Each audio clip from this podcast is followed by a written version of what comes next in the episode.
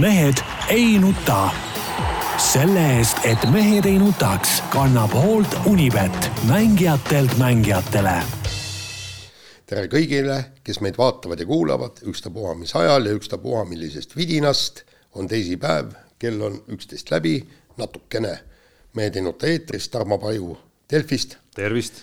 Peep Pahv eri, eriagendina igalt poolt. tervist ja Jaan Martinson Delfist, Eesti Päevalehest ja samuti peaaegu igalt poolt. jaa, mis habem, mis habemega juhtunud on? ei midagi, mul käisin juuksuris. suvine see. ja suvine. tundub, et ka, ka seal. ei selgelt..., absoluutselt, ma käin ju kaks korda juuksuris, ma käin juuksuris enne jaanipäeva ja enne jõule. mul juuksurid, mul on oma juuksur on ja siis vaatab, ahaa, tere, ahaa, jõulud on tulemas või, või siis jaanipäev ja ja, ja siis sellepärast, et äh, kartsid, kui hakkad üle lõkke hüppama, siis need kiharad nokid äkki võtavad tuld või? ei, ei, juuksed muutusid nii pikaks, et ma oleks pidanud kammi ostma, eks, aga, aga seda ma väldin.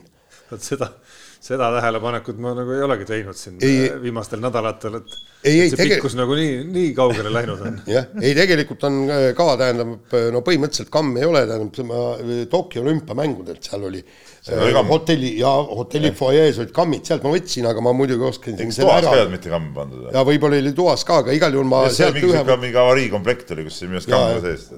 ja, ja siis ja, ja siis, aga ma oskasin selle ära kaotada, nii et ma ei saa mitte midagi teha, ma pean juuksuris käima, kuna vastasel korral ja, ja sa tead, kui palju šampooni kulub, nüüd ei kulu.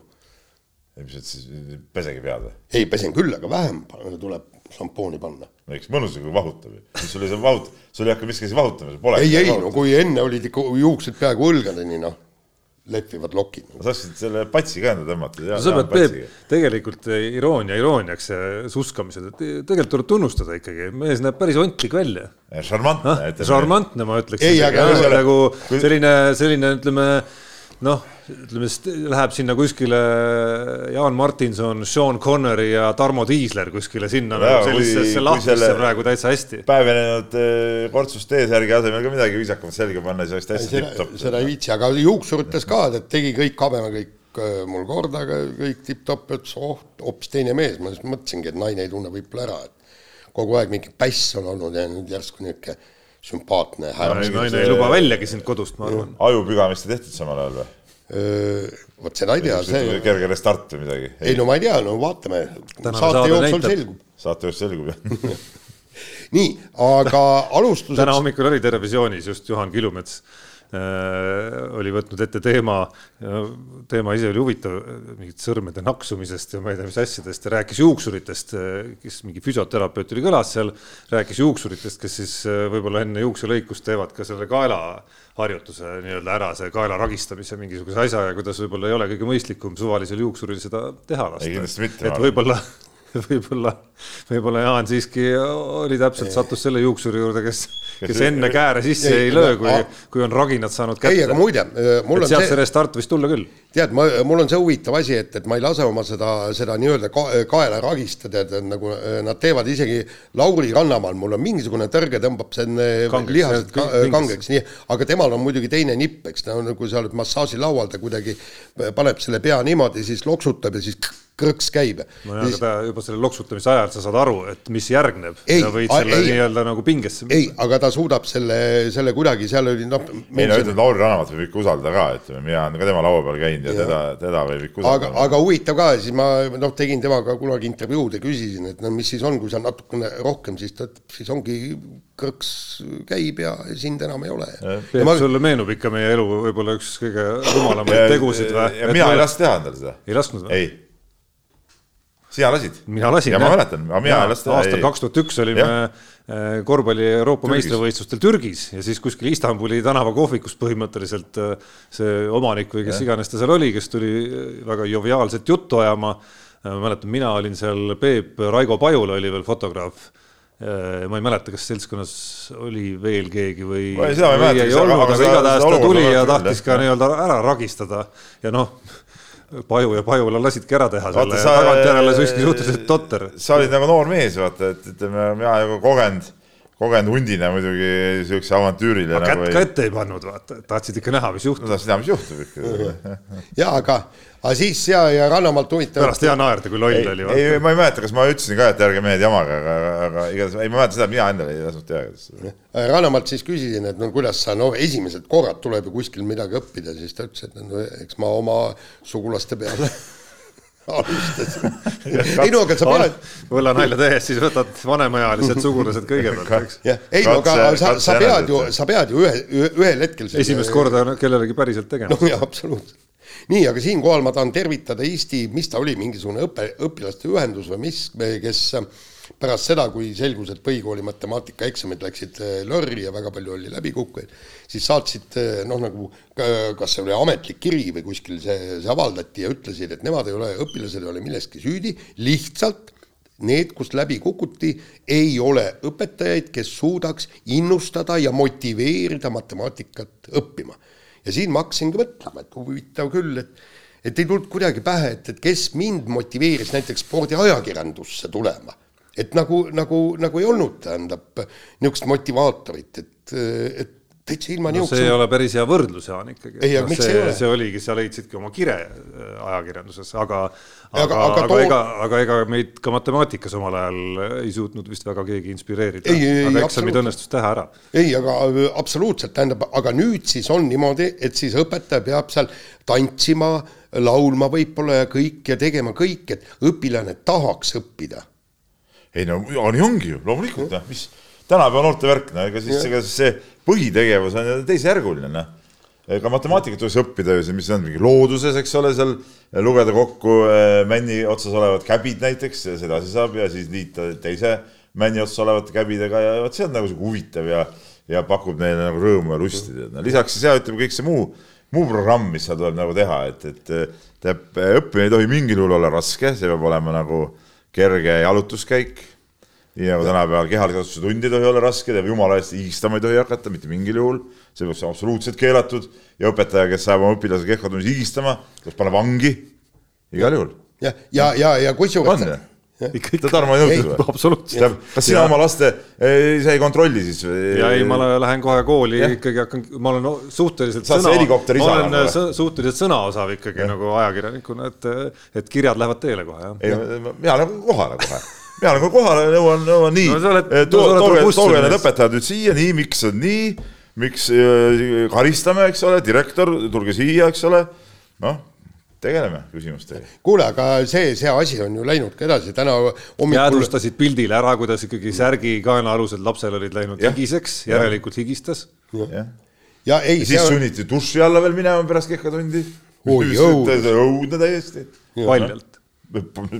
Riietega see, aga täna ERR-is ilmus äh, üks arvamusartikkel, kus noor inimene rääkis, et kui pässistunud on äh, see meie põlvkond. sinust rääkis või? ei ah., ka sinust ah. ja ka sinust, tähendab eh, see meie põlvkond. jube jama, tegelikult ongi jama.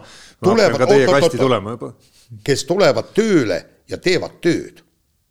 et, et, et see on noorte puhul välistatud, et nemad tahavad niisugust rohkem vaba aega, et see. seal on see pingpongi laud, eks ole, mingid siuksed mängud on ju tead noh. siis, siis psühholoogid, psühhiaatrid ja. peaksid ka olema, et, et. et sa lähedki tööle, kõigepealt sul on pandud aeg psühholoogi juurde tund aega, siis järgmised tund aega sa mängid pingpongi, siis, siis tuleb lõunaoode, onju, siis mängid seda lauajalgpalli, see vaata, kui meigised toimetuses kolistavad ja kui seal mõnikord tahad telefoniga rääkida seal eesruumis, siis mingid vennad tulid sinna ikka mängima vanasti, ma mäletan. nii no., siis, äh, siis on äh, äh, lihtsalt mingi doktoriga vestlus ja siis on. no ärge nüüd oma, ärge nüüd oma irooniaga nagu nii liiale ka minge, esiteks, esiteks ei maksa ei nagu üldistada, et äh, ma ütleks, et meie maja on täis ägedaid, väga põlevate silmadega noori, teiseks tuletan meelde, oleme meiegi omal ajal Äh, aega surnuks löönud täiesti mõttetute tegevustega töö juures, mingid äh, alates malemängudest kuni mingi fantaasia korvpalli mängimiseni, kuhu läks, kuhu läks ikka nagu absurdselt ja, palju aja raiskamist. vaata, kaua me olime ka tööl, me selle võrra olime kauem tööl. ja siis veel kõrvalt vaatasime Gunnar Pressi, kes äh, keskendus ainult töö tegemisele, et oi, näed, mis, miks ta, miks ta ainult tööd teeb. aga meil meeldis olla toimetuses, vaata, sellepärast me tegime igast asju. Tarmo, kas sul on meeles, mis aastast peale hakkasid öö, käibima meil puhkepäevad? Õhtulehes. no sel ajal, kui me Malet ja oli... Fantaasiamänge mängisime, olid puhkepäevad olemas juba aga ei, mäletan ei, aega, mäletan tõesti aega ja seda ei maksa nüüd eeskujuks tuua, ma arvan. seda aega, kus tõesti, ma mäletan, oli ka see hetk, kus Sõnumileht, Õhtuleht hakkasid, otsustasid, et me hakkame nüüd seitse korda nädalas ilmuma ja ajad, see oli üheksakümnendate lõpp ja siis ajad olid sellised, kus ma ei mäleta, et kollektiivis siis nagu toimetuse liikmete seas oleks see tekitanud nagu mingit erilist poleemikat, et, et, et oot, oot, mis me peame seitse päeva nädalas nüüd tööl käima. et jah, selline klassikaline, et, et mõistlik oleks ja õige oleks viis päeva nädalas tööl käia, see tuli tõesti kuskil kahe tuhandendate keskel nagu meediamajades. kaks tuhat kuus, kaks tuhat viis oli umbes nii. no mis on teistpidi absurd muidugi. ei no oli absurd, aga mis me siis surime ära või sellest? me tegime head lehte ja me töötasime ennast üles me töötasime ennast üles. ja, aga Jaan on ja. neid ülestöötajaid on ka täna. ära hakka nüüd jälle, Kai, jälle nüüd, muutus Tarmo järsku jälle euronooreks, eks ole. viskus tsotile nii-öelda nagu nii nagu, nagu ütleme, kõik Nõukogude sõjafilmide kangelased. aga see, millest sa alustasid. nelikümmend kaks Panfilole vast või kakskümmend neli või? see eksami teema, millest sa alustasid, ma ei tea, kas te ise vaatasite neid ülesandeid? Delfis ja, ja ka mujal olid need ülesanded vist üleval, et noh, põhikooli matjaeksam, no ei ole nagu nii keeruline siiski veel, et, et kui ma oleks tuletanud meelde omale need äh, rombide ja nende pindalade valemid, siis noh, ma arvan, oleks selle, selle tänagi ära teinud ilma mingi pingutuseta.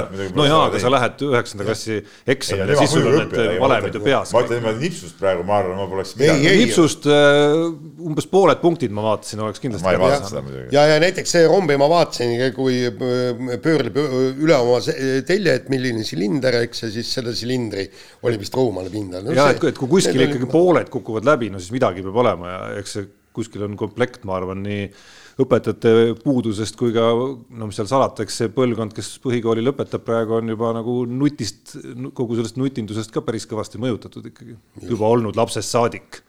ja ma tuletan meelde, Jaan Aru, tuntud ajuteadlane, on seda seadet nimetanud mitte nutiseadmeks, vaid nutihävitusseadmeks. just, nii, aga, aga lähme nüüd spordi juurde ja täna hommikul tuli öö,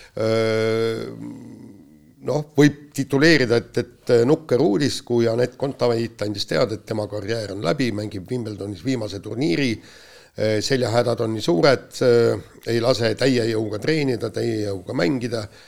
Ja, ja noh, ütleme niimoodi, et, et Anett Kontaveidi karjäär ikka jäi väga valusalt pooleli, siis tegelikult noh, eks me kõik ootasime, et et, et, et tont selle edetabeli kohaga, eks ta oli maailma teine te, teine number, aga kõik me ootasime, et ikka suurturniiril ta ükskord teeb selle ära ja jõuab kas või vähemalt poolfinaali, kuhu ükski Eesti tennisist ei ole jõudnud, aga no mis teha? Kui, kui ikka selge luba, no me teame, meil on kõigil seljahädad olnud ikka, kui selge luba noh, tippsportlasel trenni teha, noh, siis ei ole seal midagi, no ei ole mõtet oma tervist tappa. ei, mitte tervist tappa, vaid no sa ei saagi teha maksimumiga, see on, see on nagu, nagu fakt, eks ole, et, et, et kui sa kui sul selg on haige, siis trenni teha ei saa ja siis järelikult ei ole ka, kui sa trenni teha ei saa, sul ei ole ka õiget mängu, noh et, et see on niisugune vaevlemine, noh, mõne matši võib-olla läbi häda seal vahest võidad, aga, aga sel ei ole nagu sellisel kujul mingit mõtet ja vaevalt see ka äh, Anetile endale mingit äh, huvi oleks pakkunud või mis see, mis see point nagu on, kui sa oled olnud maailma teine reket ehk siis absoluutses tipus on ju, ja siis, siis pead järsku vaevlema seal, et, et saad mõne, mõne võidu kuskilt kätte, noh, see, noh, see ei ole see, et, et see oli sellisel hetkel ma arvan, et noh, eks ta ise tunneb kõige paremini, aga ma arvan, et see no mingi otsus tuli teha ja, ja, ja noh, tegi niisuguse otsuse. eks need viimased kuu, kuud on ju näidanud ka, et, et, et see on äh, läbi valu ja vaeva kõik see tuleb, eks seal oli äh, mitmed turniirid, kui ta ütleb, et noh, et kui mäng läheb ju pikaks kolmandasse setti, siis on kõik, selg on läbi ja, ja enam ei saa, noh et, et noh loota nüüd niimoodi, et sa pika turniiri suudad kõik, kõik mängud kahe setiga ära kannatada ja kõik ja tegelikult ega me ei tea ju, kui valu ja vaev see on, eks. ja no jah, seljavaludega me oleme kõik tuttavad ja, ja seesama eh, diagnoos, mida siin on välja käidud juba on diagnoos, mida ma arvan, väga paljud inimesed on kuulnud, eriti vanemas eas, aga olen ka mina, on ka mulle seletanud füsioterapeudid, et, et seesama degenereerumine, mis iganes, see ei jää meelde kunagi, iga füsioterapeut oma seinal võtab alati selle selgroo ette seal, olgu sa Indrek Tustit äh, Mihkel Mardna, okei okay,, tema ei ole füsioterapeut, aga ortopeed või, või tema proua, kes on füsioterapeut, ma olen neid, neid kirjeldusi sellest, mis asja see nagu tähendab seal ja kuidas see tegelikult puudutab meid kõiki lihtsalt erineval määral ja, ja mõjutab erineval määral, olen kuulnud nii palju, et võiks võiks mingi täitsa juba rääkida, mis tunne sellega nagu enam-vähem, enam-vähem on, et, et nähes, kuidas isegi sellisel puht harrastaja sportlase tasemel see ikkagi nagu mõjutab mingil määral, siis ma ei kujuta ette, mida, mida see nagu profi tasemel, kus koormused on umbes vähemalt kümme korda suuremad, mida see kõik nagu kaasa võib siis tuua, aga noh, lõpuks täpselt keegi ei tea sinna sisse, et et mida ta siis segas, et ma siin ühe kõrvalpilguga natukene jälgin, mida Anett seal pressikonverentsil räägib, et noh, ta põhi põhimotiiv, mis seal kõlab, ongi seesama vaimne väsimus, et, et sul pidevalt see valu lihtsalt käib kaasas, et, et iga mängu lõpus tuleb ja, ja ma kujutan ette, et vähemalt enda pealt öeldes, et nagu mingis mõttes siin golfiharrastuse ajal läks ta isegi nagu kõige suuremaks siis, kui sa olid nagu ära teinud need asjad, et olidki suurt pingutust teinud ja siis kuidagi liikuma saada, kui need asjad sul seal maha jahtuvad ja, ja see ja isegi teed mingeid harjutusi seal ette ja taha, aga lõppkokkuvõttes on kuskil vist mingi piir seal ees. tõsi, jah nii-öelda lihtsale inimesele öeldakse ka, et, et sa saad päris palju oma äh, ütleme siis nagu kere treenimisega justkui siis ikkagi nagu leevendada neid, neid äh, probleeme, aga noh, tippsport on hoopis nagu no, on teada, et tippsportlased on saanud ju äh, abi, aga ütleme, me ei tea ju täpselt, kui, kui hullusti või, või mis seisus see täpselt kontoväidjal on, eks ole, et, et, et ja eks ta, eks ta ise, ise tunneb seda kõige paremini, et, et kas tal on, oli mingi variant seal seda äh, seda olukorda parandada või mitte, et, et noh me saame no, sealt arvata ta lihtsalt, et jah, kahjuvärk. no, no pluss ta on, pluss ta on maailma ühe kõige konkurentsitihedama ala kõige teravamas tipus ja tahab teha sealt tipus siis noh, sellisest nagu ta oli maailma teine räket, tuletan meelde, noh mm., tegelikult tahab ühte sammu veel teha, ehk siis tõusta sealt eh, siis järgmine samm ongi tõusta kõige kõrgemale kohale, et noh seal iga selline järeleandmine, mis sa pead veel tervisetu tegema, lihtsalt ei luba sul teha seda. ja, ja aga nii palju, kui mina olen aru saanud, et luude kulunemine on lõplik, see, seda enam ei päästa ega, ega paranda, seal on võib-olla liigeste vahele, nad saavad mingit keeli ja kõik, eks, aga no noh, kui, kui, kui see on selgroolülid ikkagi sealt kuskilt kulunud või midagi, minu meelest oli väga, väga hästi selgitas asja ära ju Rait Rikberg oma intervjuus kuskil siin just nüüd hiljuti igaks juhuks ma ütlen, olgem korrektsed, see on nimmelüli vaheketta degeneratsioon, mitte no, lüli. jah, nii, nii.. no ongi diskid, jah. diskid, jah. ja diskid, no see on Rait. ja, ja seesama Rait Ritberg, kui äh, kirjutas, et kaks viimast aastat mängis valuvaigistitega, sest põlve, äh, põlveliigesed olid nii ära kulunud, et, et põhimõtteliselt seal seda vaekihti enam ei olnud, eks, ja põhimõtteliselt luu käis vastu luud ja ta ütles, et nüüd ongi niimoodi, et, et lihtsalt tuleb mulle panna metallist liigesed. see, see ei parane see, see jääb ja, ja, ja kuhu sa oled jõudnud kõik, et noh, ja, ja naisterahvas selg ka ja noh, ütleme niimoodi, siit veel hullemaks lasta. no see ei ole mõistlik. ei ole mõistlik muidugi jah.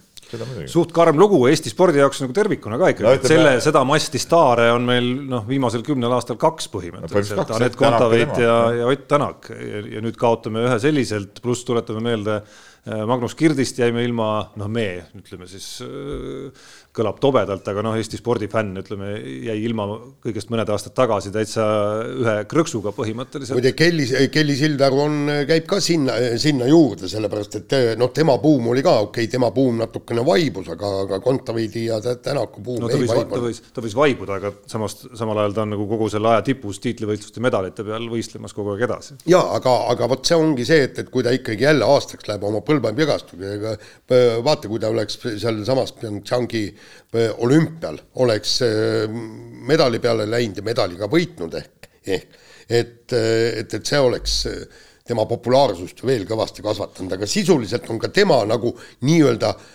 kukkunud seal absoluutsest tipust allapoole, just ma mõtlen publiku huvi arvestades. ja seda küll, aga ma ütlen, et, meil nagu tennise niisugune see kontakt nüüd sellega ka kipub kaduma, et noh, Kaia Kanepi nagunii on ka juba lõpetamas, ütleb pea kindlasti, noh, kaovad ikka sealt toksi peale ja, ja, ja ütleme, tennis, mingi hetk oli meil kogu aeg jälgisime neid suurturniire, et noh, meie omad seal mängivad, mängivad, mängivad, ütleme, Kanepi esiletõusust saati me oleme kogu aeg nagu saanud tennist jälgida, siis tuli Kontaveit ja, ja, ja, ja nüüd korraga järsku meil pole enam kedagi, no see on muidugi nagu meie traagika, see pole muidugi Kontaveidi traagika, siis me räägime, mis, mis on need niisugused järelmõjud ja, ja võib-olla niisugune tennise, tennise tähelepanu panu, langus nagu, nagu igal juhul seisab ees, see on, see on nagu selge, et ega need, okei okay,, meil seal on mingid poisid-tüdrukud, kes on kuskil kahesajandad ja ma ei tea, või kolmesajandad või kus nad on seal oma tulemustega, aga noh, see, see ei ole see, mis, mis sihukeste asjade peal vajalub. et Kaia Kanepi suures lämmi turniiril esimest korda jõudis kolmandasse ringi kaks tuhat kaheksa, nii et meil on, ütleme vähemalt no, juba enne tegelikult omada noorteturniiride võitmise ja, ja kõigega, aga noh, vähemalt viisteist, kui mitte rohkem aastat on, on tennis olnud ikkagi Eesti spordi ja spordisõbra ikkagi väga suur fookus. ja, ja ütleme ikkagi niimoodi, tähendab see nii-öelda tennisisti tase kus, kus tõesti hakkad võib-olla teda huviga jälgima, no on ikkagi see maailma edetabeli esisada ja see, et, et kui ta pääseb ikkagi suurturniiril, põhiturniirile, et, et siis on tema tase see, et, et sealt võib midagi tulla ja tekitada huvi. no enne seda on tõesti võib-olla noh, ta, tal ei ole niisugust üldrahvalikku huvi, võib-olla mina vaatan veel mõni, aga, aga noh, neid väiksemaid turniire ja, ja kõik, eks, et aga noh, ma vaatasin nüüd selle äh, Mark Lajali turniire, mänge ka, eks, et, et aga see noh, see ei ole nii lai, see huvi. ei, seda kindlasti. aga vahetame teemat, soovime Anetile edu edaspidises ja noh, see Wimbledon saab kindlasti olema emotsionaalne, emotsionaalne, näis, mis äkki tuleb mingi äge lugu sealt veel äh, siia lõpetuseks ka sportlikus mõttes. no ja no seda on muidugi iseenesest nagu raske muidugi uskuda, aga noh saaks ühe võidu ise kätte, ma arvan, et oleks, oleks hästi ja täname Anett sind nende kõikide elamuste eest ja, ja edu edaspidiseks ja läheme jalgpalli juurde. täna õhtul Eesti jalgpallikoondis kohtub EM-valikmängus läbimüüdud Lilleküla staadionil Belgiaga, aga enne jõuti siis nädalavahetusel mängida selle tsükli esimene kohtumine, mängida võõrsil Aserbaidžaaniga, mängida üks päris briljantne esimesed kolmkümmend minutit kus äh, siin optimistlikumatele tundus juba, et, äh, et siit rullitakse kolm-null umbes üle ja siis sinna otsa ikkagi üsna kehvakene teine pool, nii et lõpuks peame ütlema, et pääsesime üks-üks viigiga. no jah, no Aserbaidžaan, vana Bakuuni FC, noh, see ei ole ju kehva, kehva, muuseas Madis Kalvet, kes kohapeal ütles, ta nägi Bakuuni FC kontorit ka nagu mööda sõites, et noh, legendaarne klubi, aga ei, no kui me võtame nüüd tervikuna, siis ega, ega äh, noh, ütleme Eesti koondis, ega, me ei saa ju loota, et on tehtud mingisugune hirmus kvalitatiivne hüpe, et nüüd me hakkamegi mingitest sihukesest äh, satsidest üle rullima, nagu sa ütlesid, et esimese kolme minuti järel tundus, et eks need mängu, mängu käigus need äh, perioodid käivad küles-alla, et kes alustab paremini, kes, kellel läheb pärast paremini, et et selles suhtes ma arvan, see üks-üks viik ja ühe punkti saamine võõrsilt on isegi hea tulemus ausalt öeldes. absoluutselt. jah, aga, aga nii palju, kui meil eh, nende nii-öelda jalkaspetsidega me eh, seal rääkisime, mille peale oli, oligi siis pahased või, või solvunud või, või, või kuidas öelda, ei, ei, mitte solvunud, no ma ei oskagi öelda, tähendab, et mis neid häiris. Oli, oli just see, et, et Eesti mängis tõesti väga hästi, esimesed kolmkümmend minutit, võtame kas või esimene poolaeg, mängis hästi domineeris. aga, aga kor korrektne on öelda, et see, et Aserbaidžaan mängis väga kehvasti sel Ei, samal perioodil nii, ja need on omavahel seotud. nii, täiesti nõus, eks. nii, ja siis vaheajal tegi vastaste treener, tegi lükka, vahetas välja kolm mängijat, kõik, et paigutas seal, vot nüüd öelge, eks väljakul kõik muutis taktikat. ja, ja, ja, ja tehti, tehti kõik, aga meie ei suutnud sellega kohaneda, tähendab, meil ei olnud midagi, me jätkasime vana liini, meil isegi vahetatud mängijaid ju ei no, ei no sa ei peagi kohe vahetama, eks ole.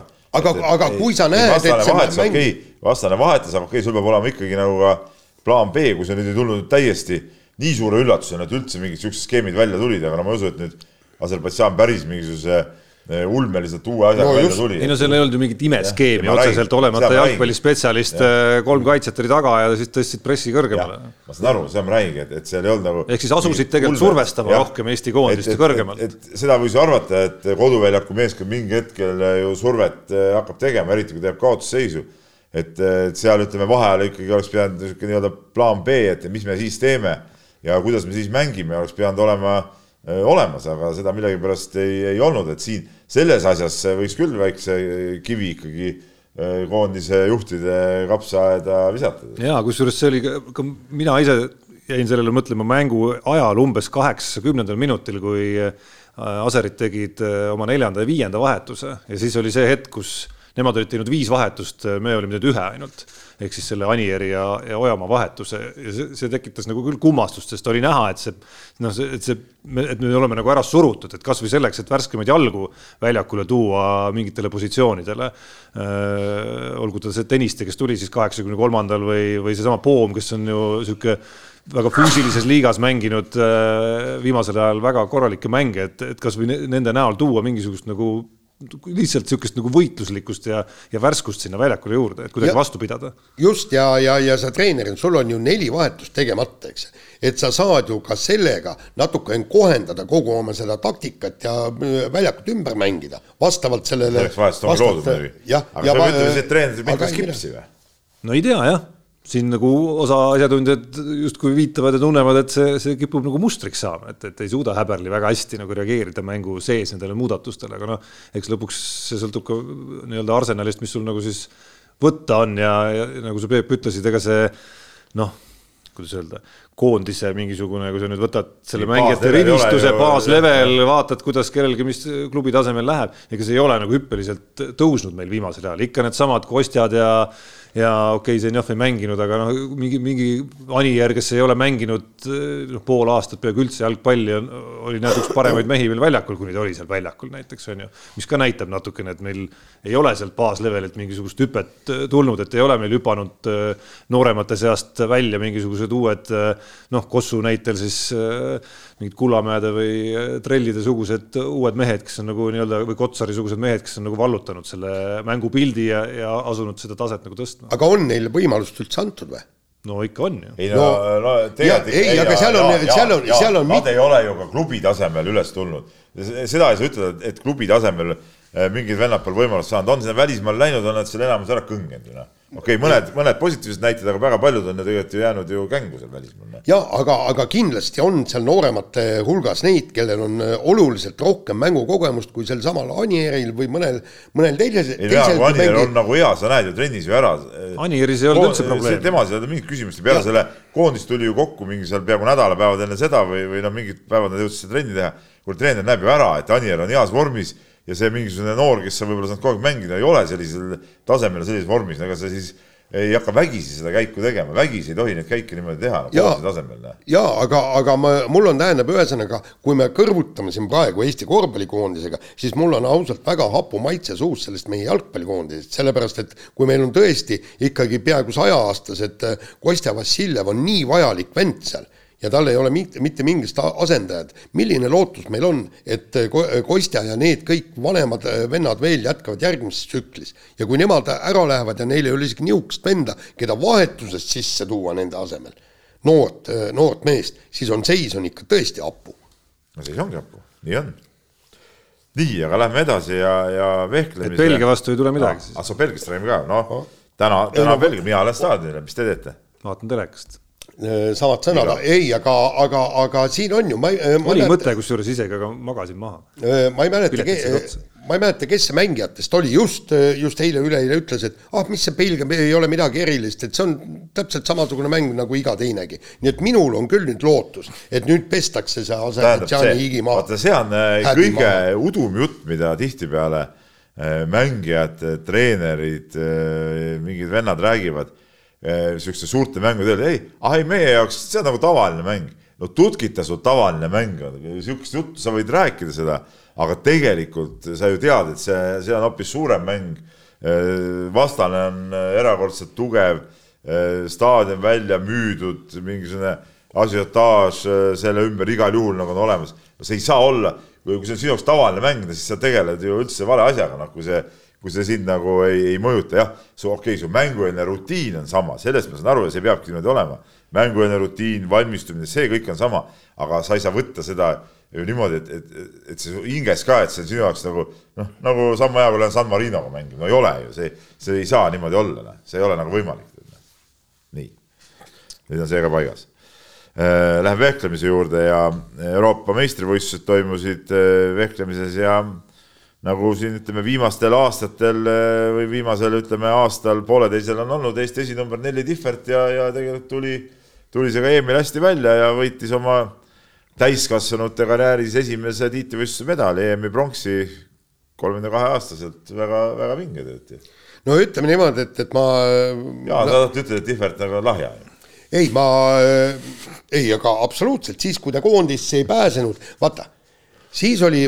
praegu on see Lehis on lahja, et ta ei pääsenud koondisse praegu ei, ma ei ütle, et Lehis, Lehis lahja oleks, aga, aga kui sa aastate kaupa ei pääsenud koondisse, see, see okei okay,, seal on teised asjad ka, seal oli kõige hullem asi on, et Tippert oli tõesti noh, individuaalturniiril vehkles hästi kõik nii, aga vaata, see, see ongi see vehklemise absurdsus, sa ei saa katsetada vehklejad võistkonna võistlusel sel lihtsal põhjusel, et iga võistlus on kulla hinnaga, aga, aga nüüd ei ole mida, midagi teha, et eh, Nelli Paju on näidanud. Nelli Tihvert. või Nelli Tihvert ja on näidanud, et, et ta kannatas kogu selle, tegelikult see on hämmastav. sa, sa, sa tõesti, sa, sa aastate ja aastate ja aastate kaupa, ta ju võistled, sa ei, sa ei saa sinna naiskonda, kõik, sa vaatad tiitlivõistlusi kõrvalt, sa ei pääsegi tiitlivõistlusele. ta on teinud kolm tiitlivõistlust e eelmise aasta EM läks, no mitte nihu, aga, aga ta jõudis minu meelest kolmekümne kahe hulka. siis EM kaheksas, kaheksas, nüüd võitis medali, kolm tiitlivõistlust on talle antud, et, et äh, kui ta oleks need tiitlivõistlused varem saanud, tont seda teab. no ja et, et kui palju on äh, sellistel aladel selliseid sportlasi, kes selle kolmekümnenda eluaasta üldse nagu ära ootavad noh, sul ei tule nagu läbilööki, sa ei, sa ei pääse koondisse isegi, eks, et, et noh, loogiline samm on kuskil kahekümnendate keskel pigem sellisel juhul ja me näeme seda ja mõned juba kahekümnendate alguses, kui nad tajuvad seda, no siis nad teevad selle otsuse ja, ja asuvad siis mingit muud karjääri. liiga vara tihti, tihti liiga vara tehakse. no liiga vara jah, selles mõttes, et, et nad ei oota seda ära, ega nad selle võrra õnnetumad ei pruugi olla, aga spordi mõttes jah, need, nad ei noh, mingis mõttes ka mõistlik, ma arvan, et ega kümnest sellisest juhtumist ongi võib-olla üks-kaks-neli tihvertit ja ülejäänud kaheksal juhul no sealt noh, tegelikult ei ole, ei tulegi seda medalit ka, isegi kui sa kuidagi punnid ja leiad vahendid, kuidas elu endal sees hoida ja teenistust kuidagi tekitada ja. pakun välja, et ma seekord vaatan, Kristiina Kuus individuaalmedali ka oli kolmkümmend pluss. jaa, oli, jah. EM-i hõbeda. kuigi ta, okei okay,, ta oli võistkondades varem olnud, aga, aga individuaalses esimese kolmkümmend pluss. jah, jah. ja nüüd jälle olid nad kahekesi parimad. oligi. et, et oligi. selles suhtes äh, no üldse tegelikult ega meil see vehklemise, ütleme, naiskond varsti hakkab ikkagi juba päris äh, küpseks saama nii-öelda. ja mis kõige hullem, alt ei ole kedagi peale, peale tulemas, mitte midagi ei ole alt peale tulemas. et, et, et see ongi nüüd, mis meil on, äh, tähendab. oota, aga nüüd äh, jah, räägi. kõige noorem ongi meil Katrin Aleis, kes on kohe-kohe kolmkümmend saamas, eks. aga äh, Haapsalu proua parim vehklemistreener Eestis ei no ja, ei no ei, faktid, faktid, faktid räägivad enda oota, eest. Peep, äh, tegelikult, tegelikult ma tahaks öelda, et kui äh, Helen Nelin-Naukas ei valita nüüd Eesti parimaks treeneriks sellel aastal. oota, aasta on poole peal alles. aasta poole peal, võib-olla tuleb siin, võib-olla tuleb kergejõustus keegi maailmameistriks okay,. okei okay,, aga juhul, kui ta jääb ilma selle Kristjanita, siis see on ju tegelikult häbiväärne sellepärast, et vaata, ta on Kristiina Kuuse Lehis, Kuus, nüüd Tihvert, eks. nüüd Tihvert, see kolm tippu on tead. pluss poeg, eks ju. no ja, aga mis sa siis teed, no oletame, mis kergejõustikust sa räägid ja maailmameistritiitlist, noh, see kõlab nagu utoopia. aga ma ei tea, Katrina Lehis tuleb maailmameistriks vehklemises. noh, näiteks. aga siis, kui Lehis tuli Äh, Euroopa meistriks, siis ta oli veel ju äh, Nelis Naukase õpilane, eks midagi ei saa. et selles suhtes ütleme, see on nagu, Nelis Naukas on huvitav kuju, ta on muidugi väga vastuoluline inimene kõik, aga no mulle on ta alati sümpatiseerinud tegelikult, mulle siuksed inimesed alati meeldivad. et aga, aga tema see sihuke nagu treeneri saatus mõnes mõttes on kuidagi ebaõiglane see tegelikult on ebaõiglane. on ja, ja, ja ma vist kirjutasin selle, kunagi kirjutasin selle arvamusloo ka, aga, aga see tuleks nüüd uuesti kirjutada, et meil peaks olema EOK-l elutööpreemia.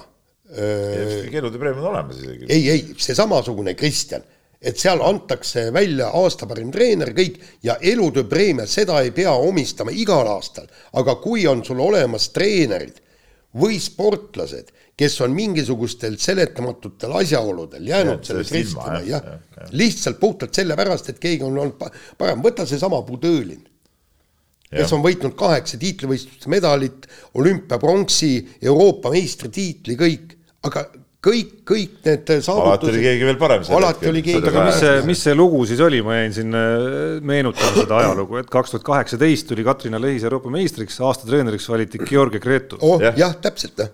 Ja, ja mida tegi Georgi Gretu siis? ei no küllap võrkpallikoondisel läks hästi. finaalturniirile näiteks.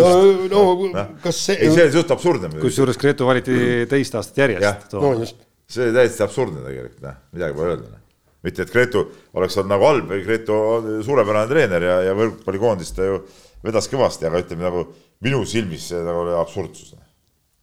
nii on. aga no ütleme, mida see nüüd, see võistlus näitas nüüd kohe-kohe on tulemas see võistkondlik EM, mis on nagu meie jaoks nagu eriti tähtis, mis ta nagu selle, selles vaates näitas.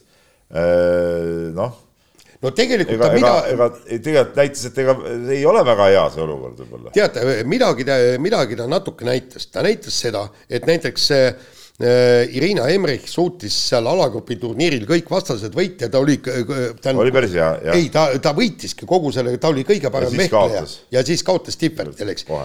teine tegi puhta töö, tegi ju ka Erika Kirpu ja nemad on mõlemad siis nüüd naiskonnas sees, mis näitavad seda, et nad suudavad vehelda küll ja, ja kõik, eks, aga, aga, aga noh, saab näha, nüüd on eh, siis pluss veel neli tihvert on neli tihvert, eks nüüd pronks ja siis äh, leis, leis., aa ei, Kirpu ei võistle. Kirpu ei ole võistkonnas. ei ole ja, ja Beljajeva ja Leis. Embrik Lehis, Beljajeva, Tihvert. aga nüüd on huvitav, selle Euroopa mängudel individuaali panevad ju needsamad, kes praegu panid EM-i mm. ja siis võistkonda panevad need, et noh, et äh, jah, me siin korra rääkisime, et see on, et Kaiver tegi õiged valikud, aga meil oli minu meelest arusaam, et eh, need, needsama see võistkonna nelik saab Euroopa mängude individuaali ka veelda, aga tegelikult ei saa. ja, ja see, see ei ole õige. see on seal natuke teistmoodi, jah. nii, aga võtame järgmise teema ja Erik Nazarov viimaks püstitas Eesti saja meetri jooksu rekordi ja Peep, sina olid ju ise ka koha peal. olin koha peal. ja kusjuures niivõrd tüüpiline, eks, esimene aeg, mis talle anti, oli kümme kakskümmend, eks, ja, ja noh, meie kohtunike tead-, teades, eks, korrigeeritakse kahekümne ühe peale, aga esmakordselt vist Eesti kergejõustiku ajaloos korrigeeriti seda allapoole, sellepärast vaata, need on kõik kaugushüpped ja mäletad, kes see, see kolmikhüppe no,. küllap on ja. korrigeeritud ikka niipidi ma mäletan seda, kui, ma ei mäleta, kes hüppas siin äh, seitse üheksakümmend üheksa. no tead, see sentimeeter, liiva sees sentimeeter. sa tahaksid niimoodi see... sellisel moel ei. saada kaheksa meetrise hüppe endale? ei, sa, ei. aa, kui see on mingi olümpianorm või mingi selline asi. tahaks nagu ausalt saada. Tarmo, kui see on mingi olümpianorm või asi, siis tuleb ära mõõta. oota. see on selge. ja, ja Tarmo. kohtunik peab ikka oma tööd tegema. ei, Tarmo liiva sees mõõta selle paganama mõõdulindiga kõik, seal on ju, kus kohas. enam mõõdulindiga ei mõõdeta. enam ei mõõdeta, aga see üks sentimeeter, kuhu sa selle, kuhu sa selle doki, doki, see, see on ju noh, nii äh.... aga noh, see selleks, aga Nazarov, Nazarov nüüd lõpuks ometi nagu ta suutis ikkagi äh, siis ütleme sajas meetris ka nagu selle paugu välja lasta, et siiamaani ta oli ikka puhas sihuke kuuekümne meetri mees, ütleme kõik tema siuksed vägevamad jooksud olid tehtud ju hallis ja, ja kuuekümnes meetris, aga ja, ja minul oli juba sihuke nagu mitte hirm, mis, mis mul hirmu tunda on, aga, aga mul hakkas tekkima sihuke arvamus, et äkki ta ei olegi Eh, võimeline sadat meetrit, eh, noh, see on liiga pikk nagu tema jaoks. aga see tundus ju nagu ebaloogiline, sest Miks? ta on jooksnud Siuksed... ju, ei, ta on jooksnud ju isegi neljasadat ju. jaa, ei seda küll, ta on igast asju proovinud ja ta on kümpi proovinud teha ja kõike. aga, aga on olnud eh, sprintereid veel, kes on sees hästi kõvad ja kes väljas kunagi midagi ei ole saavutanud. et, et see sõltub, kui sul mingi ideaalstart ja, ja siis oledki fups juba finišis aga see pikemalt seda kiirust hoida on nagu raskem. aga ei, no sellega ta näitas ära, et tegelikult, tegelikult äh, suudab joosta küll ja, ja, ja, ja nagu rääkisin seal Argo Kolbergi treeneriga ka, et noh, et see, siit võib nagu igasuguseid asju, asju tulla, et nüüd olenebki, kuidas see emotsioon mõjub, et nüüd on hästi näha, et see nädal on see võistkondlik EM Poolas seal Euroopa mängude raames, et seal on nagu näha, seal on hea konkurents ka. et, et olekski vaja nagu sihukest, et, et keegi jookseks tema ees, et, et ta oleks natuke tast eespool ja, ja öö, et see aitaks tal nagu lõpuni seda tempot hoida. ja, ja põhimõtteliselt ta on ju kakskümmend viis aastat vana, on vist? jah, umbes jah, jah. ja, ja põhimõtteliselt siit on ju minna, minna, minna, palju ka ta, palju kui ta parandas oma kakskümmend neli isegi. ah, kakskümmend neli isegi, jah palju, kui ta parandas oma rekordit, see oli päris võimas parandus oli. no tal Isik oli, kas ta oli seal kolmekümne alguses oli see kusagil? no just, ja, ja, ja, ja siit. ei, muidugi see on korralik parandus, väga korralik parandus, aga noh. kolmkümmend neli, kolmkümmend neli. kolmkümmend neli jah, no ta, aga no selge see, et, et noh, see oli tal jala sees, noh, et, et, et see et ma ütlen, minu arust oli pigem anomaalia ikkagi see, et see kuuekümne meetri kiirus ei olnud seni sajas meetris. ei, see ei olnud anomaalia, aga no, ma, ma räägin, ma kartsingi, et see võibki olla. Nagu selles mõttes natukene oli, et muidugi on saja meetril mingi oma spetsiifika, täpselt ja. see start ja pea tõstmine ja hoo hoidmine ja nii edasi, eks. aga olukorras, kus ta on kuuekümnes meetris kiire ja samas on nagu tõestanud nii kahesajas kui neljasajas, et tal on nagu nendel aladel ka nagu ikkagi nagu potentsiaali, et siis, siis tundus nagu ebaloogiline, et see sada talle nagu üldse ei sobi äkitselt, et ta ei suuda seda kiirust konverteerida kuidagi saja meetri peale, et, et õnneks ta selle jooksuga tõestas, et see oligi anomaalia, et, et see aeg läks natukene selle saja meetri jooksu nagu kokkupanekuga, siis ilmselt võime öelda. aga mis on veel huvitav Äh, see ettevalmistus, vaat siin kergejõustised kõik käivad mingi soojamaa laagrites, mina saan aru, et Nazarov äh, valmistas ette ennast siin Eestis, et ta ei ole kuskil käinud ja, ja. no mis sa käid siin, see ongi soojamaa meil. ei, ei, me räägime siin ettevalmistusperioodil, et, et ja, ja saab, saab nii ka teha. no ja seal, seal tekib ainult küsimus, eks, et, et kuidas sisekergejõustiku rajad, need no väidetavalt nad on hästi kõvad ja nad lõhuvad ikkagi natukene liigeseid ja lihaseid, et võib-olla see, nii. aga selle saatuse lõpetuseks törts korvpallijuttu ka. tohu ütlemist, Jukka Toialal on eesmärk muuta Eesti korvpalliriigiks. kas me siis tõesti pole? Jukka Toiala, Eesti koondise peatreeneri sõnul selleks, et olla korvpalliriik, on vaja ikkagi igal korral jõuda EM-finaalturniirile no,. ja ega ta midagi valesti. midagi valesti ütelnud ja, ja, ja see, et me oleme ise tahtnud pidada korvpalliriigiks ja oleme pidanud see kõik on nagu tore, aga, aga ütleme, see, see staatus on tegelikult ikkagi eh, käest antud, noh, see on, see on nagu selge, et, et, et korvpall ei ole juba ammu enam see eh, Eesti, Eesti jaoks, mis ta oli võib-olla siin üheksakümnendatel veel, kui, kui me nagu võisime pidada tõesti korvpalliriigiks ja noh, rääkimata siis seal see Kalevi Liidu meistriks tulek ja, ja see EM-i kuues koht ja nii edasi, et noh, siis me olime tõesti korvpalliriik, et, et ja no praeguses olukorras, kus sisuliselt kõik saavad EM-ile, kes vähegi mängida oskavad, no siis, kui sa praegu finaalturniirile ei pääse, siis no see on, no siis ei ole mingist korvpalliriiklusest küll mõtet rääkida. et noh, täna on selles mõttes põnev olukord, et, et mis puudutab nagu vaataja huvi ja, ja silmapaare ja, ja koondise mänge eriti veel selle juures ja, ja neid uusi tippe, et noh, on see tohutu potentsiaal nagu olemas siit tõusta mis iganes nagu kõrgustesse, aga sellega käibki nüüd kaasas seesama klausel, et sa peadki igal finaalturniiril kohal olema ja see baastase Eesti koondisel näiteks peabki, peabki selgelt nagu tõusma võrreldes sellega, mis ta on olnud viimased, ütleme, kakskümmend aastat. no ma ei tea, mis tohutuspotentsiaali sa siin praegu silmas pidasid, aga meil on, meil on tõesti mõned head mängijad, aga, aga ütleme meeskonnana tervikuna, no ma ei ütleks, et me nüüd äh, peaksime praegult olema kusagil seal, ma ei tea, esikaheksas või Euroopas või, või sihukeses kohas, ma seda seda varianti veel praegu küll nagu ei näe, et minu arust sinna ikkagi, ikkagi päris pikk maa minna ja, ja, ja see potentsiaal, potentsiaal potentsiaaliks, noh, et, et seal okei okay,, ütleme alt on mingi põlvkond on, on võib-olla uuesti nagu tulemas, kes praegu veel koondisse ei kuulu, aga kes võiks seal tulla. aga, aga, aga kas neist saab, ütleme siuksed a la Kotsari, Kotsari äh, masti, masti meisad ka tulemas on, no seda seda on veel praegu ikkagi raske ütelda. Noh. ja, ja e, tegelikult. aga teadupärast muuseas Eesti korvpallurid ikkagi väga paljud on ikkagi ka hilja, hiljem avanenud, et, et, et minu arust Eesti korvpallis see ei kehti, et kui sa kahekümneselt pole kuskil, et siis, et siis ei ole nagu mingit lootust, et see, see muidugi ka jälle ei, ei, ei kehti. okei okay,, ma ei hakka siin vaidlema, aga seda juttu kuulates oli väga huvitav, et, et sa tõid näite nagu see, et, et mille poole peaks pürgima. et äh, Maik-Kalev Kotsari ja, ja kui paneme siis teistel riikidel, kellest seal jutt käib, eks soomlastel on Markkanen, lätlastel, leedulastel kõik, et, et meie see absoluutne tipp, kelle, et kelle sarnaseid me tahaks rohkem näha, on paraku vend, kes äh, ei ole täielik domineerija Euroliigas, kellel ei ole sisuliselt enda lootustki, on ju. no, no, no nii ma päris ei saa öelda. mis asi oot, oot, oot, oot, oot, Jaan, mis, mis täielik domineerija? Kotsar ei ole teinud Euroliigas domineerivaid mänge või? arvan, ta on kaks teinud... korda vooru MVP isegi olnud, Jaan. ja ei, kõik on õige, aga kui te võrdlete nüüd Kotsarit Markaneni või Borsingise või kes see seal Leedus kõige kõvemad vennad on no,. ütleme jah, selle tasemel ta ei ole. aga no ma ütlen selles, selle, seda paralleeli tuues ma arvan isegi nagu mõistlikum on vaadata mitte esimest äh, mängijat, et noh, niisuguseid üksikuid ekstrastaare võib olla siin mõnel riigil niimoodi, et, et kõik kahvatuvad kõrval, on ju. aga mõistlikum on vaadata võib-olla, et kus selles võrdluses on, ma ei tea, noh, virtuaalse tabeli, ma ei tea, kolmas korvpallur või seitsmes korvpallur või viieteistkümnes korvpallur, on ju. et seal läheb meil noh, võtad kasvõi lätlased, noh, läheb, see võrdlus läheb päris nagu keeruliseks, hetkel vähemalt. absoluutselt muidugi, et seal selles suhtes ütleme, kui meil oleks Kotsari-suguseid mehi nagu rohkem, siis, siis see igal juhul noh, ütleme, see tagaks koondise kvaliteedi, see on, see on ju selge, tegemist ikkagi, ikkagi selge Euroliiga tipptasemel mängijaga.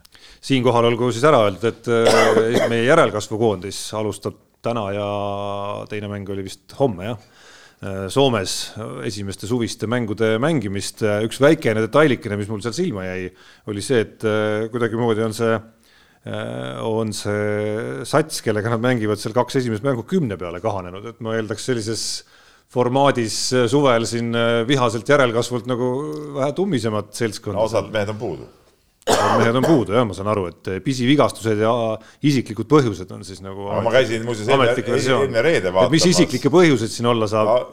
no piiblit. mina tean, aga ma ei räägi, aga, aga ma käisin eelmine reede vaatamas äh, siis Eesti selle koondise ja U kakskümmend koondise vahelist, vahelist mängu, see, no siis oli mõlemil ikkagi rohkem kui kaksteist meest seal, seal rivistuses mängisid neli veerand aega, noh, iga veerand aega hakkas nagu nullist ja, ja, ja noh, seal oli, oli, oli detaile, mis mind tegid nagu ärevaks ausalt öeldes.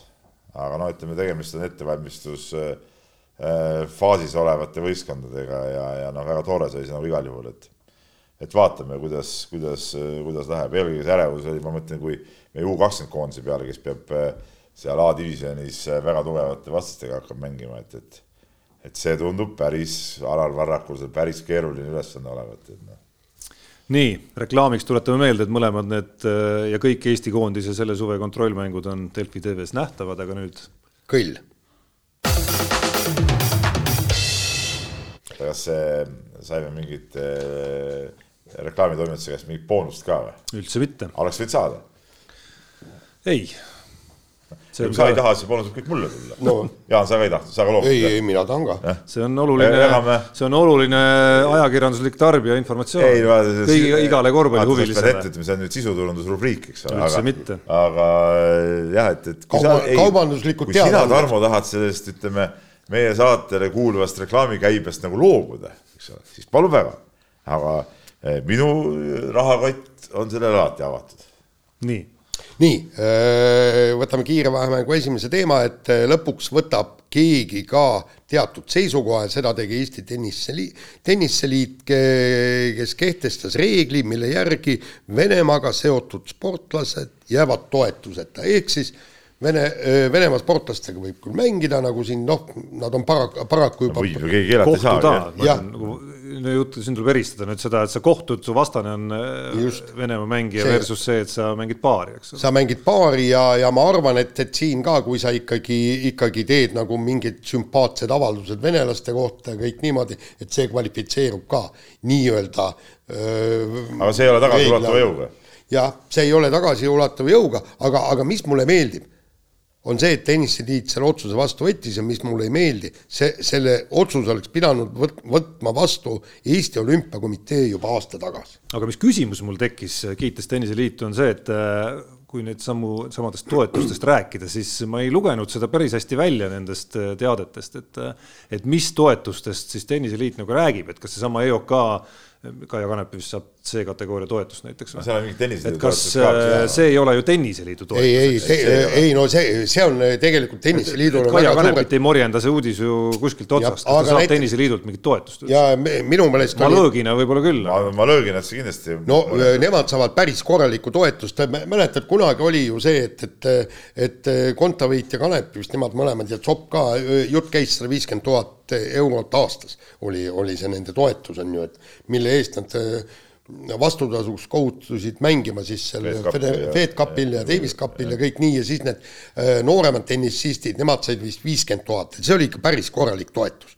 aga, aga vist Kanepil lõppes see toetus juba varem, kuna ta FedCupi ei mänginud ja seal oli mingisuguse segadus, et ta tahtis suuremat raha ja, ja nii et äh, inspiratsiooni ka Siim Suklesele ja äh,. Meie vahetame teemat, Heiki Nabi võitis pärast pikka pausi Leedus turniiri ja on sihiga Pariisi olümpiale ikkagi nagu täiel rinnal all in. No päris põnev, põnev, päris põnev, põnev lugu. ja aga, aga mis mulle jällegi, jällegi nagu eelmine kord oli Tenniseliidu puhul oli sümpaatne ja siis nüüd Heiki Nabi puhul sümpaatne, ta jääb raudselt seisukohale, et tema teadlikult dopingut ei tarvitanud, ta isegi sellest ei räägi, kõik tuleb siia tagasi, üritab jõuda järgmisele olümpiale, Tokyo olümpia jäi ju selle dopingu pärast äh, tal vahele ja ja, ja, ja ta ei poe kuhugi varju ega midagi, ta on alati kogu aeg olnud kättesaadav, avalik, kõik räägib nii nagu see on tema pluss, vaata, me oleme sellest palju rääkinud suusatajate mm. kontekstis ka, et, et ja Nabi on selle nagu ehe näide, kuidas tegelikult sellistes olukordades peab äh, käituma. ja et seal suusamaailmas on siis või Eesti suusamaailmas on siis mõned mehed, kes noh, pole kunagi üldse tulnudki nii-öelda mikrofoni ette päriselt ja siis mõned, kes tulid, need on tegelikult ka kadunud ikkagi nüüd aastaid olnud juba nagu pärast kogu seda suurt plahvatust on ikkagi olnud nagu kadunud, kadunud nagu ja, ja, ja noh, neid ei, kuskilt kivi alt neid enam nagu välja ei tõmba. just ja, ja, ja kusjuures tulemus on see, et, et ma tegelikult hiljem hoomasin, ma rääkisin niisugune paarkümmend minutit rääkisime pärast seda Leedu turniiri Nabiga ja mitte kordagi, mis, me isegi maininud seda, seda no mingist dopingu äh, asja, kõik see, et me lihtsalt rääkisime pärast pausi, pikema, pikemat pausi tulid, kuidas sul seal turniiril on, võistlustunnetus ta,, ta-ta-ta, kõik niimoodi, et ühesõnaga, see oli ka endal peast ära nagu kadunud, eks. et ei, ei näe põhjust, kõik. Lõpetame tema puhul see, et ja, ja mind häirib ka natukene, et, et kui, kui pannakse sinna pealkirjadesse dopingu karistusest vabanenud Nabi tegi seda teist, kolmandat. ei okei okay,, alguses sa võidki seda panna, sest et muidu mõnel no kes võib-olla uudiseid täpselt ei jälgi, et millal ta oli, oli dopingukaristus all, aga ei. alguses pannakse, et nüüd ta on sellest vabanenud ei. ja tegi seda teist ja kolmandat. just, artiklit seda ka, seda ei ole. Nagu jääma kogu aeg. ja, ja, ja seda ei ole mõtet pealkirja panna. ei no alguses võib, ma arvan, alguses see on täitsa korrektne, midagi ei ole, sest ega sa seda olematuks ju ei muuda mm. ja, ja ma arvan, et kokkuvõttes äh, Nabil on sellest ka ükspuha, kuna ta on seda avatult nagu seda asja ajanud, siis, siis ma arvan, see pealkiri teda tegelikult ei, ei jõudsuta üldse jah, ja, ja, ja nüüd jaanipäev ja,. teist meelt just. jaani, ei, ma tahtsin öelda jaanipäeva ajal vend rügab Leedus treeninglaagris, üle lõkke ei hüppa, õlut ei joo. ta ei pidanudki juuksurisse minema sarnaselt sinuga? ei pidanud. Ja, ja, ja tegelikult see oleks ikka ääretult punk, kui ta jõuaks Pariisi olümpiale. see äge oleks muidugi. noh, just. kas Leedus ühtegi jaanituld ei toimu. ma ei tea, Leedus, Lätis on küll jaanipäev samal ajal, aga. ei, Leedu, Leedus, Leedus on ka, aga kuule, kui sa oled treeninglaagris, mine rassi need kaks trenni ära, ma tahaks näha, palju sa seal tantsid ja. siis tulebki ju äh, jaaniõllega ennast kosutada pärast seda rasket treeningut ju, see on normaalne. No kas sa sel jaanipäeval võtad ainult ühe õlle või? ei, aga ma ei ole ka treeninglaagris nii, aga lähme edasi ja treeninglaagris ilmselt viibib äh, pidevalt äh, meie riigikogulane äh, Jürgen Ligi, üks väheseid ka reform, reformierakondlasi, kes mulle mingis mõttes väga, väga meeldib, sest ta on nagu sihuke. siin mingi muster ei, ei moodustu, vaata, me saame siin järjest teada, mis, millised inimesed Peebule meeldivad, et Helen-Nelis Naukas, Jürgen Ligi no no siuksed nagu tummised tüübid nagu ikka. Noh. kõik, kes kuidagi. see ei tule sulle üllatusena? ei, absoluutselt mitte, ma lihtsalt kuulajate tähelepanu juhin. kuulajate tähelepanu ja vaatajate tähelepanu juhin sellele, et ja. siin on muster väga selge. kuigi Ligi on öelnud ka siin, ütleme siin autospordi kohta nagu pahasti, siis ma panin talle seda pahaks muidugi, aga, aga ei, muidu ta on tore mees ja spordimees on ka muidugi kõva ja, ja võitis siis triatloni eestikatel oma vanuseklassis, mis oli mingi kuuskümmend pluss mingisugune. kuuskümmend kuni kuuskümmend neli. Võitis äh, hõbemedali. No jaa, aga no vaata, see on see Ligi puhul tüüpiline on ju, eks noh, nüüd on ka Riigikogus valitsuses ei ole ja kõik ta-ta-ta nii ja naa, ikka hõbe, võit on kuld. ei no jaa, aga ma ütlen, et no aga, aga tead, selles suhtes see Riigikogu töö on ju haljava ju, ega seal midagi ei juhtu, kui sa seal eh, vahepeal töö ajal käid eh, trenni tegemas, rassid seal nagunii, nad seal istuvad ööd ja päevad seal, teevad oma, oma tsirkust seal, noh, mingit vahet ei ole tegelikult, oled sa seal kohapeal või ei ole, sa tead on, ütleme, sel hetkel on mingi hääletus, lähed kohale ütleme niimoodi, teed jooksutrenni ära, nüüd vaatad, ah, just ringiga tagasi, nii, viiskümmend viis on hääletus, põmm, vajutad nuppu ära ja siis ratta selga ja rattaga sõitma. jälle tagasi, vajutad korra nuppu, kui vaja ja siis basseini suplema no,. Okay. aga tegelikult on selles mõttes, et tõesti Jürgen Ligi on ääretult sümpaatne ka, ääretult punkpoliitik ja ma mäletan siukseid mehi peakski rohkem olema. no ei ole vaja, ei pea neid filtreid nii palju vahel olema, kui te seal räägite. ja tead, seal omal ajal oli ju see, et, et vaata, kui need olid need, mis need olid, need kuradi debatid oli, noh, tähendab iga nädal oli debatt mingisugusel teemal ja seal olid siis noh, mingid suvalised tondid olid sinna kohale kutsutud, tead, siis noh, panid teleka kinni, aga siis, kui täiesti ükstapuha millisel teemal ja, ja debateerisid Ligi ja Kadri Simson siis kurat võtsid popkorni endale ette, sest seal läks nihukeseks andmiseks. ei, see on tore. selle, selle grupi, mille Peep siin vaikselt on loonud enda ümber, defineeris ta ise ära ka hetk tagasi, et lausega ei pea neid filtreid nii palju vahel olema. no ongi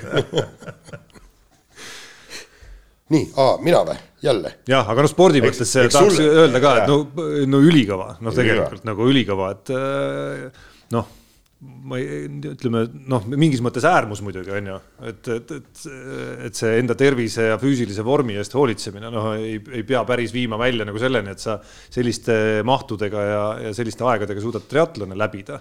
aga ikkagi nagu mingi terakese peaksime kõik võtma nii-öelda vananemise käigus ikkagi nagu eeskujuks Jürgen Ligist endale. ja ei, seda muidugi. aga mis see filtrit puudutab, siis Tarmo sulgi soovitan natuke neid sealt. filtreid puha, maha võtta või? maha võtta või puhastada vähemalt nii, võtame järgmise teema ja Eesti võrkpallikoondised lõpetasid siis oma nii-öelda suviste liigade alagrupi turniirid, naised, naised pääsesid hõbeliiga äh, Final Fouri, nüüd mängivad sel nädalavahetusel lootuses jõuda kuldliigasse, hästi sümpaatne, aga, aga meestel läks, neil oli ka võimalus, oleks vaja olnud Soomet võita, aga, aga Soomet paraku ei võidetud, mis nad äh, kolm, äh, kaks-kolm kaotasid, aga mäng oli ikka hoopis teine. üks-kolm ikka üks-kolm vist jah ja. Soomele. ja, ja see oli määr-, oluliselt teine mäng võrreldes sellega, millega nad seda tsüklit alustasid, peatreener jäi rahule ja no., ja Tarmo on siin kirjutanud, et noh, Märt Tammearu platsile tulek Sloveek-, Slovakkia vastu oli, sul oli ehe rõõm vaadata, vot mina ei vaadanud seda mängu. ma ei tea, kas te nägite Räägi. seda mängu või mitte? ma seda, ma nägin seekord huvitav kombel, ma täitsa... huvitav kombel nägin seekord rohkem naiste mänge kui meeste mänge, ma nägin vist mingi poolteist meeste mängu nägin. ma soovitan täitsa nagu üle vaadata, et äh, ma noh, okei okay,, mälu tuhmub, on ju, ja, ja elamused, mingid elamused kustuvad, kustuvad ja jäävad ja mingi aja pärast sa ei mäleta neid nii eredalt enam, aga see oli tõesti selle nii-öelda nagu tugitoolisportlase aasta üks, üks ägedamaid hetki, ütlen mina vähemalt, et vaadata, kuidas meil noh, mõnes mõttes ikkagi nagu uus mees, eks ole, koondise tasemel vähemalt, eks, et tal oli ju vigastus vahepeal, nüüd ta tegi klubi hooaja, kus ta selgelt äh, tõusis esile, astus karjääris järgmise sammu värskelt äh, klubi võrkpallis ka veel. Ja nüüd me siis saime ühe väikese pilgu heita talle koondise särgis ja nägime, et mis, mida see areng siis nagu päriselt nagu tähendanud oli, et, et mees tuli ja lajatas ja põles, sütitas, noh, nagu domineeris, ütleme, ja see oli tõesti äge vaadata, näha ühte Eesti sportlast, kes, kes on justkui noh, noh nagu uus tõusja ikkagi niimoodi laamendamas no kui sa nüüd ütled, ma ei näinud seda, mul on seda raske, raske kaasa rääkida.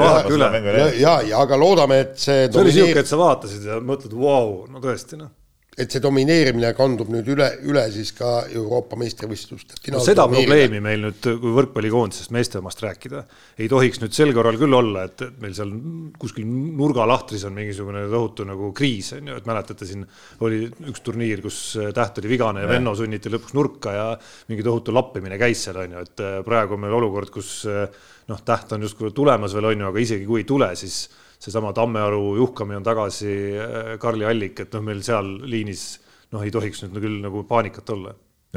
täitsa hea pilt paistab. aga selle saatuse lõpetuseks äh, räägime natukene igavamast spordist ka, ehk siis vormel üks on selline, kus äh, ma eile lugesin mingit pealkirja, kas BBC-st või kuskilt, et poolteist poolteist kuud taga, et poolteist kuud järjest on olnud etapid, kus Verstappen on juhtinud ühesõnaga, et nagu, no ühesõnaga see kõik läheb nii ühte auku, et. no, no põhimõtteliselt ma enam. kes viitsib vaadata, mina vaatasin ausalt öeldes. vaatasid või? okei nagu me... värvi, värvi kuivamist vaatad sa. no jah, ma küll päris tõsi, mitte päris algusest, aga ütleme kuskilt viimased kolmkümmend viis ringi umbes.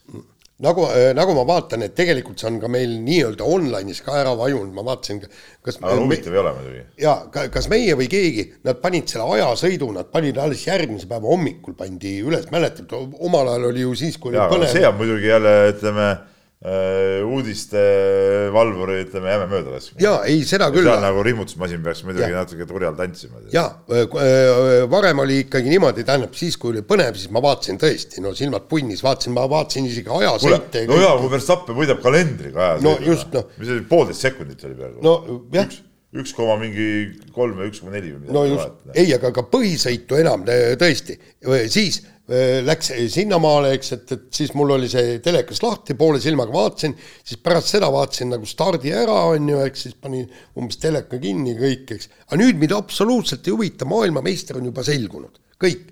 ja, ja mind need üksikud etapivõidud paraku ei huvita. selles suhtes tahate ikka nagu ägedaid sõite, vaadake neid MotoGP ülekandeid, on ta siis MotoGP, GP2, GP3, noh, sihuke andmine käib seal, no täitsa noh, äge, tead, no seal kogu aeg mingid asjad vahetuvad, noh, no kogu aeg möll käib, ütleme nagu öö ja päev selle vormeliga võrreldes. aga muide, ma see siin täna hommikul tulin mõttele, kas ei saaks niimoodi, tähendab, see oleks minu meelest sellele paganama äh, vormel üks omanikule ääretult kasulik. maksku viie aasta jooksul Verstappenile sada miljonit eurot aastas selle eest, et ta ei sõida, läheb koju, puhkab, magab rannas, saab pool miljardit kätte ja kõik. ei, aga, aga, aga vaata, kui mingi, sõidab aga anname seda altselt mingi kehva masina. jah, aga e, see, e, sest e, kui võtta Verstappen eest ära, siis oleks päris, päris põnev. aga kunagi oli muide, kunagi ammu-ammu, kui taheti reformida, oli ju siis niisugune mõte, et kakskümmend sõitjat ja igaüks pidi siis sõitma öö, ühel etapil öö, erineva autoga, ehk siis kümme, kümme tiimi oli eks, et äh, nii, ja siis, kes on punktitabelis kõrgem, saab viimaseks kuueks etapiks valida endale tiimi, kus ta sõitma hakkab. et see oli põnev mõte, aga noh. saadame su sinna ameeriklaste juurde ideid pritsima. ei, ei, see oli, see oli ametlik, siis ka pikalt kirjutati, see oli üks, üks nagu idee. nii, aga laseme kõlli Unibetis saab tasuta vaadata aastas enam kui viiekümne tuhande mängu otseülekannet. seda isegi mobiilis ja tahvelarvutis. Unibet, mängijatelt mängijatele. nii. noh, nii energiliselt kohe. ei, ei, ma. tundub, et tahtsid oma suurvõitudest muljetada. tüüpiline, absoluutselt tüüpiline, kaks panust, ühega võidan, teisega kaotan ja, ja, ja kõik mõne, mõne, mõne euro võitsin selle peale, et, et Eesti mängib aseritega viiki selle peale pani. Peep juba muheleb seal, tundub, et lauatennise. ei, seekord vaata, vaata siit nüüd tuleks välja moraal. moraal on see, et ei maksa nagu, ei maksa panna nagu siukseid asju, mis nagu äh, tundub nagu loogiliselt panna, eks ole, et, et teed nagu mingi, teed nagu mingi päris panuse. minu arust sa eelmises saates rääkisid just vastupidist juttu, et nii lihtne on, vaatad, kui on loogiline ja, asi, tema ei, ju võidab nagunii ja ei, maast leitud raha. et tulebki minna nende nii-öelda lihtsate pingpongi äh, ennustuste peale. sa otsustasid korvpalli peale panna? ei, ma läksin ikkagi NHL-i peale, noh.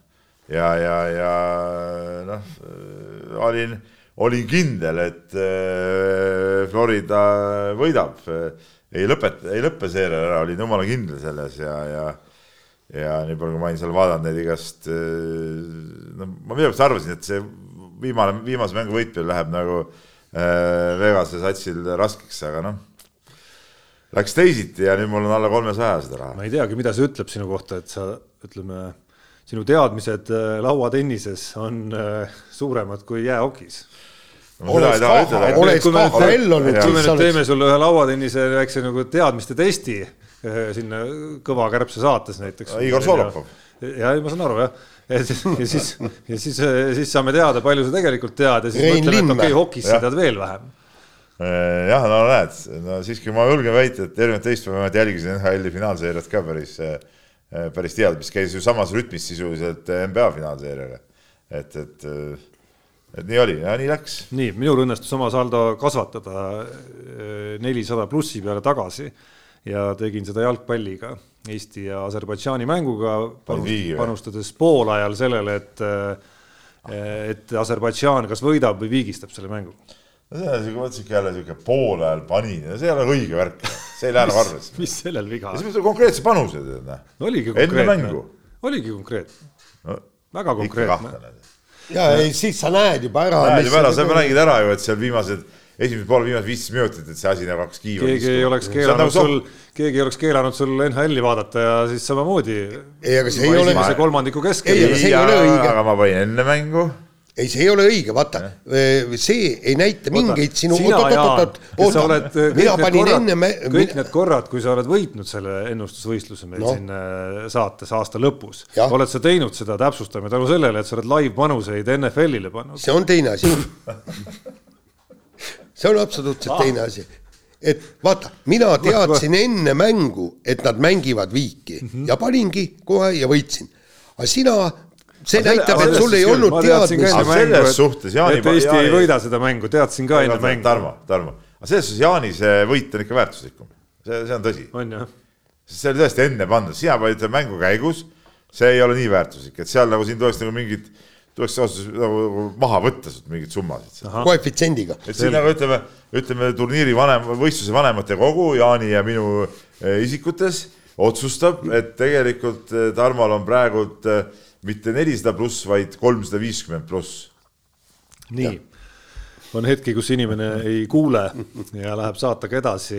Mehedi Nuta eripanus Unibetis puudutab Keenia rallit, millest me ei ole siin saates rääkinud, aga hetkel saame võimaluse see panus puudutab äh, Ott Tänaku jõudmist esikolmikusse koefitsiendiga kaks koma seitsekümmend viis. ettearvamatu, ettearvamatu, see Keenia ralli on olemuselt juba ettearvamatu. suurte viperusteta lõpetab, võiks esikolmik olla ju täiesti tehtav. ja elu on seda näidanud, et eh, jah, aga, aga kas, kas õnnestub ilma viperusteta lõpetada, on ettearvamatu. Äh, muu, muu, muud takistust seal võib-olla isegi väga ei ole tegelikult ütleme niimoodi, et, et, et Keenia ralli ongi just see, et, et me ei tea, mis tingimused, seal pidi ju vihma ka sadama hakkama kõik igast värgid, et seal on niimoodi, et, et põhimõtteliselt iga, iga WRC auto võib jõuda esikolmikusse, samamoodi see Katsuta ja kõik. Katsuta on seal ju olnud esikolmikus. jah, on ja, ja sellepärast ongi, see on puhtalt kullikiirav ise. kas, ja ta on viiskümmend protsenti võimalus jõuda esikolmikusse no,, kas on, jõuab või ei jõua. siis on kaks koma seitsekümmend viis päris hea panus, kui viiskümmend protsenti ei no ongi, kas jõuab või ei jõua. super, Jaan. jah, võimas sooritus. räägi kirjadest. Lähme kirjade juurde, Marko kirjutab meile ja kirjutab meile eh, nii huvitavast asjast nagu naiste korvpallist ja naiste korvpalli EM-ist. sa ei käi kommenteerimas? miks? sa oled üldse, sa üldse kommenteerimine. Hispaania finaalseeriat sa ei kommenteeri, naiste EM-i sa ei kommenteeri, milles asi on? küll ma jõuan kommenteerima, ära muretse, ära muretse. ei, millal sa jõuad?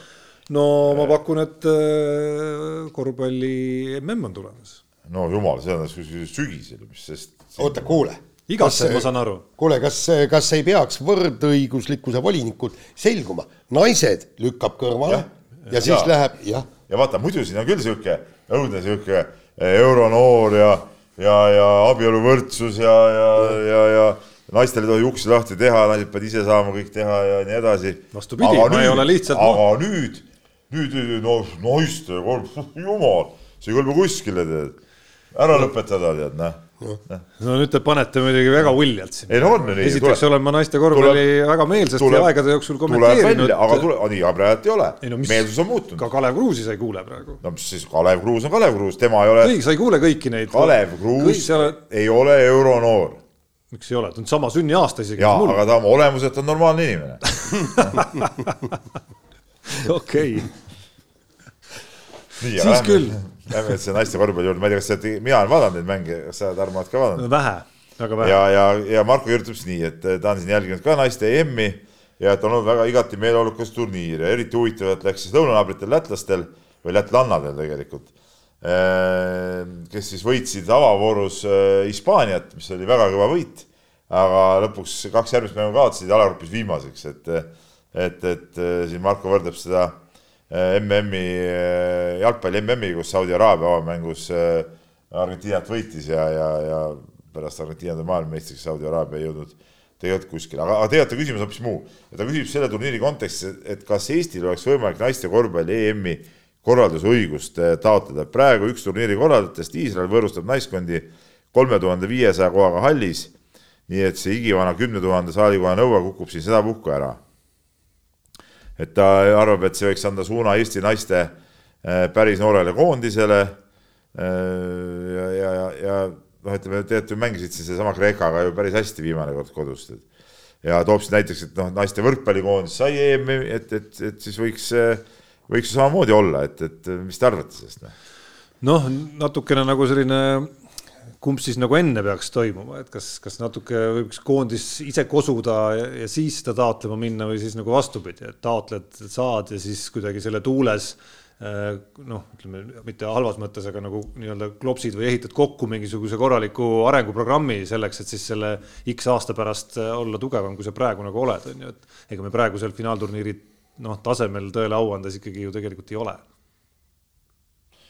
no finaalturniiri taset praegu ei ole hea, aga ütleme kui me seda nüüd praegu hakkaks taotlema, me saaksime selle ka ju piisavalt äh, kauges tulevikus, et selleks ajaks need naised võiks olla nagu parimas või need praegused tüdrukud võiks olla parimas niimoodi mängueas. et igal juhul see taotlemine peaks kaasas käima mingisuguste väga mitmete muude tegevustega, mis, mis on nii koondise kui ka sealt altpoolt järelkasvu kasvatamise ja kõikide nendega seotud. olles natuke kursis selle järelkasvu poolega, siis ega sealt midagi väga äh, ütleme, roosilisi äh, vaateid tegelikult ei ole muide, muide oli hästi huvitav uudis, ma äh, lugesin, kuidas, äh, kuidas maailmas käib see nii-öelda sündmuste põhjal äh, nii-öelda võimendus, ehk siis Brisbane'is on kaks tuhat kolmkümmend kaks toimuvad olümpiamängud ja Austraalia nüüd siis alustas programmi, tähendab laiendatud, laiendatud programmi leidmaks olümplasi nii-öelda väiksematest kõik kohtadest ja seal oli neliteist kuni kaheksateist aastased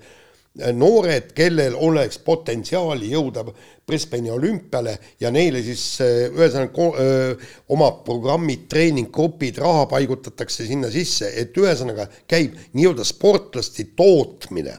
täpselt niimoodi toimus ka enne Londoni olümpiamänge, eks, britid said oma spordile kõvasti jalad alla ja ja, ja, ja see et me, me ei peaks vaatama nagu mingi ühe, kahe, viie aasta baasi, võib-olla panna paika, et vot me tahame kuue aasta pärast.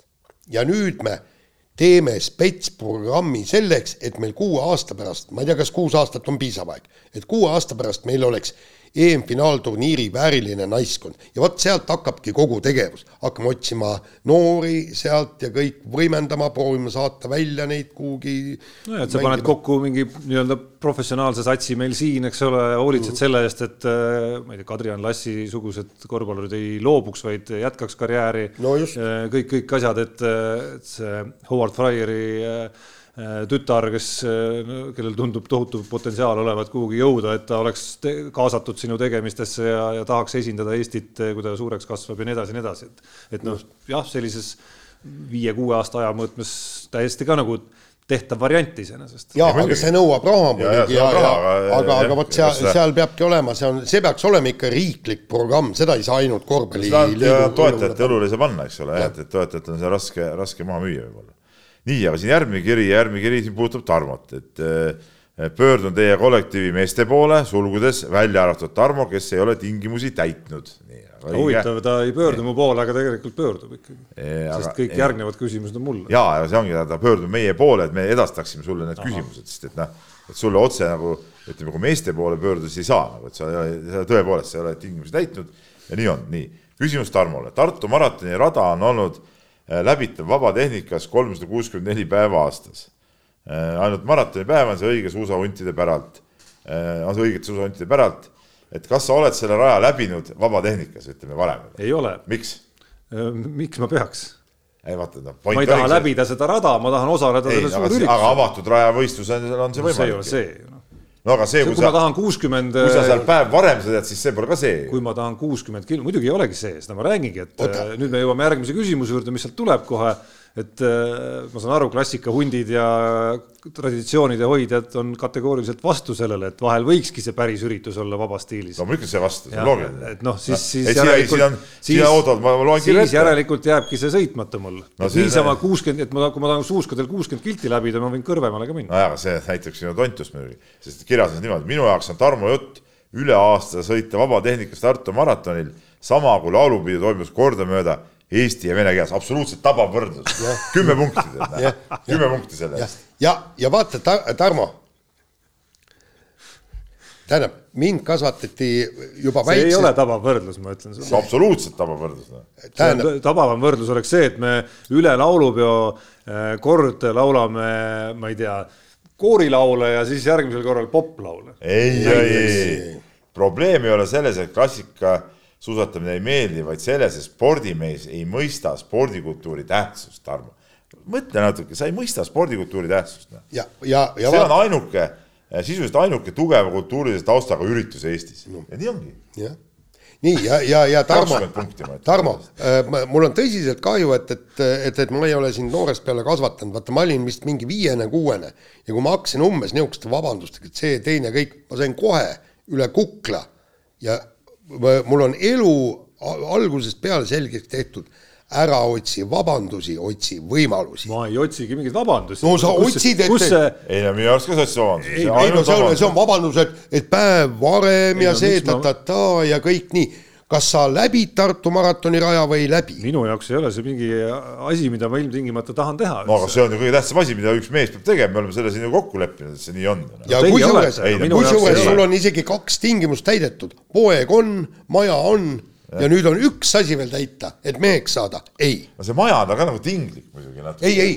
las ta olla. aga noh, aga noh, okei okay, jah, et las ta olla, aga noh, sihuke, sihuke pool, sihuke nagu lom, nagu, nagu lombakas mees nagu natuke, tead, sihuke pooliku selle. ei, aga, aga üks asi on, on veel teha ja, ja ikkagi ei aga miks sa, miks sa ei saa tehtud sellest, räägi meile, miks sa. mul ei ole seda tunnet, et ma kuidagi olen puudulik ilma selleta, kui ma ei ole Tartu maratoni läbi. sinu tunne ei olegi tähtis. ei no minu mida, tunne on absoluutselt ainus, mis antud juhul on tähtis. kuule, kogu vastus. Tarmo, ma, ma võin sulle öelda, kui sa selle Tartu maratoni oled läbi sõitnud, sa tead, kui see, see on noh, kujuteldamatu tunne, et sa oled midagi tõsist ja vägevat ära teinud enda jaoks eelkõige. ma olen sellest suutnud läbi tulla neid väljakutseid on veel? ei ole, nii, nii vägevat ei ole. ei ole, ei ole muidugi.